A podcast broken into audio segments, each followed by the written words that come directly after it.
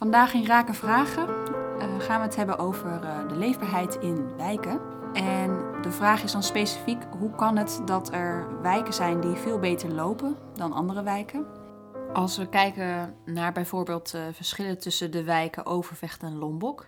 Lombok wordt gezien als een gemengde buurt met een positieve en levendige uitstraling, waar Overvecht als probleemwijk wordt gezien en last heeft van diefstal, hangjongeren en wooninbraken. Dus hoe, hoe zit dat met uh, de leefbaarheid in een wijk? En hoe kan je eigenlijk een goede wijk omschrijven? Ja, die wijken liggen in Utrecht, toch? Hè? Dat, ja. Uh, ja, nou, daar ben ik dan wel doorheen gereden, uiteraard een keer. Maar ik herinner me dat mevrouw Vogelaar destijds een uh, project had met prachtwijken. Daar werd ook een heleboel geld voor beschikbaar gesteld. Jaren later geëvalueerd, ik geloof van de 48, ik heb niet precies de getallen meer in het hoofd. Maar één of twee waren waar dan iets gebeurd was wat men misschien wel als positief zou kunnen uitleggen. En het ging natuurlijk al heel gauw ook over bouwprogramma's en hoe die wijken er dan uit moesten zien.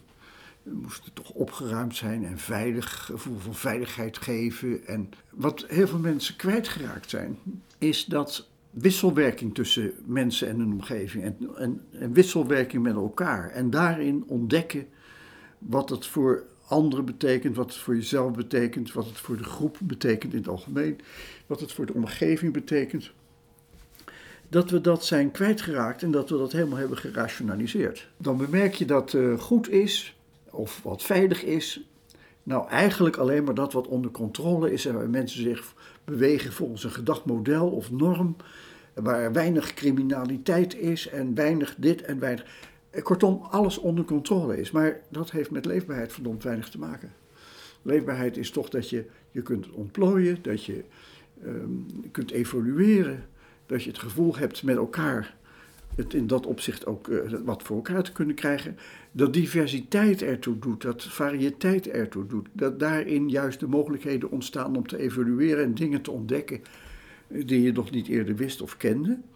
En dat al dat functionele in wezen alles vastzetten of dichtzetten. Dat kun je niet alleen in de wijk tegenkomen, bijvoorbeeld ook in grote gebouwencomplexen zoals in Amsterdam. En dat was een heel goed gebouw, mensen wilden er graag wonen en hadden het naar hun zin, de sfeer fantastisch. Maar het voldeed al lang niet meer aan de eisen van de tijd met de infrastructuur en douches en warmwatervoorzieningen en verwarming en ICT-infrastructuur. Dat ja, moest er toch wel in. De mensen werden er allemaal uitgehaald. En een jaar later mochten ze er weer in. En weer iets later dan dat jaar gekeken hoe die sfeer was in dat gebouw. Niet meer te herkennen ten opzichte van zoals het was. Het was kapot gemaakt. op het moment dat je mensen de mogelijkheid ontneemt elkaar te helpen, omdat het functioneel klopt, of je kunt iemand bellen en je ontneemt daarmee mensen de mogelijkheid elkaar te zien, en met elkaar in contact komen, in wisselwerking te zijn. Dan moet je niet erop kijken dat ze dan gaan bellen en geïsoleerd raken en op zichzelf komen te staan. En dan krijg je ook verhalen waarbij organisaties alles voor elkaar moeten krijgen. In plaats van dat iets kan ontstaan, moet alles worden georganiseerd. En dat, dat, dat neemt af en toe idiote vorm aan. Er is nu een meneer Zaad, dat is een columnist in de NRC, een huisarts zal vast een prima huisarts zijn, daar gaat het natuurlijk niet over. Maar die vertelde van een mevrouw. En die had een staaroperatie ondergaan, was al oud. En moest dan na gedruppeld worden. Maar dat moest de wijkverpleging doen. En die kwam op onregelmatige momenten, een maand lang. En het andere oog moest ook. Maar daar begon ze absoluut niet aan als de zorg eromheen niet verbeterd werd. En het werd dus een verhaal waarbij organisaties dat moesten regelen en organiseren. En je vraagt je dus af, maar de buurvrouw dan? En de kinderen dan? En de ooms en tantes en zusters en broers en de wijk en mensen in de omgeving, waar, waar zijn die dan gebleven? Geen woord erover in het verhaal. Geen woord. Nou, als je zo kijkt naar leefbaarheid, dat je op die manier leefbaarheid moet maken door het te organiseren, dan blijft van leefbaarheid verdomd weinig over. En dat is dan ook wat je deze tijd heel veel ziet. Vaak hebben mensen het materiaal fantastisch naar hun zin maar voelen toch dat er iets mis is. Ja. Dat er iets niet klopt. Dat het weg is. En juist dat bepaalt leefbaarheid. En wat dan weg is, is dat je met anderen in wisselwerking bent, dat je dingen tegenkomt, dat er een zekere spanning bestaat over wat je vandaag zou kunnen meemaken. Mhm. En dat kan goed zijn, dat kan ook slecht zijn. En dat hoort erbij. Haal je dat weg, ontneem je dat, dan gaat de leefbaarheid omlaag.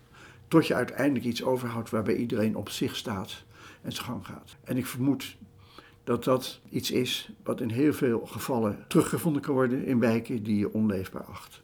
En uh, hoe zou je het dan voor elkaar krijgen om een wijk opnieuw te bouwen of op een nieuwe wijk te maken, als het ware? Ja, het woord bouwen en maken zit al eigenlijk in het verkeerde betekenisgevende uh, patroon. Mm Maken is dat, dat, je, dat je leefbaarheid kunt maken. Leefbaarheid is een omgeving en omstandigheid waarbij mensen in wisselwerking met elkaar mogen zijn. En vaak ontstaat dat doordat iets juist niet gaaf is, niet af is. Ja. Als een omgeving waarin van alles nog mogelijk is, waarin je niet het gevoel hebt dat iets niet mag, waarin je mag, mag proberen. En wat je nu tegenkomt is dat we een samenleving hebben waarin steeds minder mag en mag worden geprobeerd. En waarin steeds meer alles wordt gecontroleerd. We zijn nu zelfs zover dat de overheid haar eigen burgers hackt ter controle. Met het oog op veiligheid. Het voelt voor mij althans verschrikkelijk onveilig. En, en, hier waar wij zitten, wonen we in een omgeving met mensen die uh, zeer, zeer loyaal zijn aan de overheid, SGP stemmen. Uh, vaak uh, artikel 31, religieachtige geloofsvormen laten zien. En ik kom nu mensen tegen, juist van die categorie, die zeggen: Ik vind het toch wel heel erg dat onze eigen overheid ons aan het hekken is. Mhm. Dan ben je ergens een grens overgegaan van controle die de leefbaarheid aantast. Dan hebben mensen het gevoel dat ze niet meer de vrijheid hebben te kunnen evolueren. En ik denk dat dat iets is wat niet alleen bij ons het geval is, maar in heel Europa het geval is. Eh, de wet wordt dan gebruikt als wapen. Er is een wettelijk model waarin het leven zich moet voltrekken. En mensen ervaren dat dat geen leven meer is. Ja, het wordt dan onleefbaar. En dat laten ze weten. Niet omdat ze zelf een nieuwe staat willen bouwen of een nieuwe stad. Maar ze willen de ruimte hebben om zelf te kunnen ontdekken en te kunnen evolueren. Zo simpel is het. Maar dat is voor overheden intussen razend moeilijk geworden. Dankjewel.